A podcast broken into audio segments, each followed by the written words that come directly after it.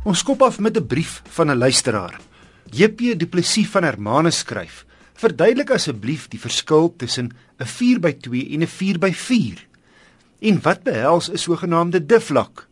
Nou, JP, die meeste voertuie op ons paaie is 4x2s. Dit beteken bloot aandrywing deur of die voorwiele of die agterwiele. En die difflak waarna jy verwys, dikwels kry jy dat 'n agterwiel aangedrewe bakkie of sportnuts voertuig se aandrywingsewenaar met die druk van 'n knop kan sluit. Die twee agterwiele trek dan noodwendig saam sodat jy meer greep het.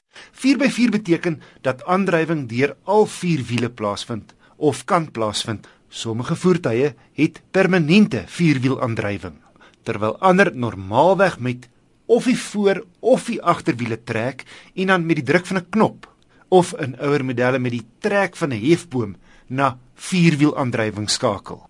Sommige viertrek voertuie doen die aksie van self wanneer daar elektronies bespeer word dat meer traksie nodig is. En jou hardebaard 4x4s het 'n laastrekradkas en die wat nou regtig oor alles kan klim se agterste, middel en voorste ewenaars kan sluit. Luisteraars is baie welkom om enige tipe motornavraag aan my te rig. E-pos na wissel@rsg.co.za. En volgende week antwoord ek onder meer twee luisteraars wat oor Toyota voertuie navraag gerig het. Isuzu se langverwagte 6de generasie KB reeks het onlangs sy verskyning gemaak, sowat 'n jaar nadat ander markte hom gekry het. Eers wou General Motors Suid-Afrika hom nog taaier maak. 'n Bykomende 1,3 miljoen strawwe toetskilometers is plaaslik afgelê en sekere aanpassings is toe vir die Suid-Afrikaanse modelle gemaak en die res van Afrika waarna die fabriek in Port Elizabeth uitvoer. Isuzu aanhangers sal bly wees om te hoor dat die nuwe KB steeds herkenbaar is as 'n Isuzu, maar meer modern en 'n meer aggressiewe voorkant en 'n int groter, soos die tendens is Hy meet nou 'n volle 5,3 meter. Ek het kennis gemaak met die duurste van meer as 20 modelle, die LX 4x4 dubbelkajuit 3 liter turbo diesel. Die bykomende lengte kom handig te pas vir die agterste passasiers. Hier's heelwat meer beenruimte as die beknopte vorige model en ek met my lang lyf pas gemaklik agter myself in. In alle opsigte 'n ruimer bakkie as sy voorganger. Harde plastiek in die paneelbord, maar dit lyk netjies en stewig. Die stuur kan egter net op en af en nie in en uitstel nie. Leer op die sitplekke en die bestuurdersin stel elektries. Verder ses lugsakke, klimaatbeheer, parkeerhulp, togbeheer en Bluetooth. Ek mis egter 'n skakelaar om die hoofligte hoër of laer te stel, noodsaaklik wanneer 'n swaar vrag agterop die neuslig. Die masjien skop nou 'n bietjie meer krag uit, 130 kW en 380 Newtonmeter. Die masjien klink minder lawaaierig as sy voorganger, maar nie heeltemal in die klas van 'n Amarok nie. Die kragbron is egter heerlik om te ry. Hy trek sterk hier vanaf 'n lae 1500 toere. Vierwielaandrywing kan met die draai van 'n knop tot 100 km/h geskakel word.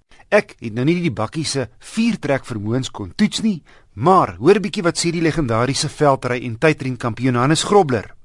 Hy het vir die kaart tydskrif 'n spulbakkies getoets en van hierdie KB model sê hy en ek haal aan, ek verstaan hoekom boere so baie van die bakkie hou. Hy lyk goed, ry baie gerieflik en hy het maalvleis gemaak van die veldrybaan. Dit dan uit die mond van die meermalige veldry en ook tydren kampioen Hannes Grobler. Net 'n 5 spoed, maar die ratte is ideaal gespasieer. By aangeduide 120 en 4de lê die toere by 3000. In 5de rad by 120 so 2400. Heeltemal aanvaarbaar, dis nie asof mens regtig 'n 6de rad nodig het nie. Die dieselverbruik op my stad en ooppadroete was 9,6 liter per 100 km, heel gemiddeld vir so 'n voertuig. In een opsig steek die topmodel egter af teen sy mededingers Hy beskik nie oor elektroniese stabiliteitsbeheer nie. Teen byna 455 000 rand is die LX 4x4 dubbelkajuit nie goedkoop nie, maar dis wat die tipe bakkies se top dieselmodelle deesdae kos. Die minder kragtige Hilux is so 7000 rand goedkoper. Die Amarok met sy 2 liter dubbel turbo wat effe meer krag uitstoot, so wat R4000 duurder en die Ranger 'n hele en kragtiger rondom R12000 duurder. So om op te som. Jy kry nie in die kajuit van die Isuzu daai sportnutsgevoel wat 'n Ranger en veral die Amarok jou bied nie. Meer modern as sy voorganger, maar minder gesofistikeerd as ander nuwe geslag teenstanders.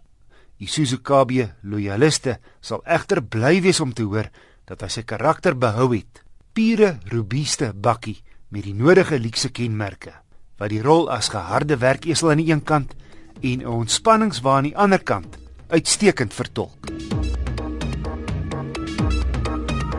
My wenk vandag, dit maak sin om elke keer wanneer jy brandstof ingooi, die voertuig se water, olievlak en banddruk te laat nagaan.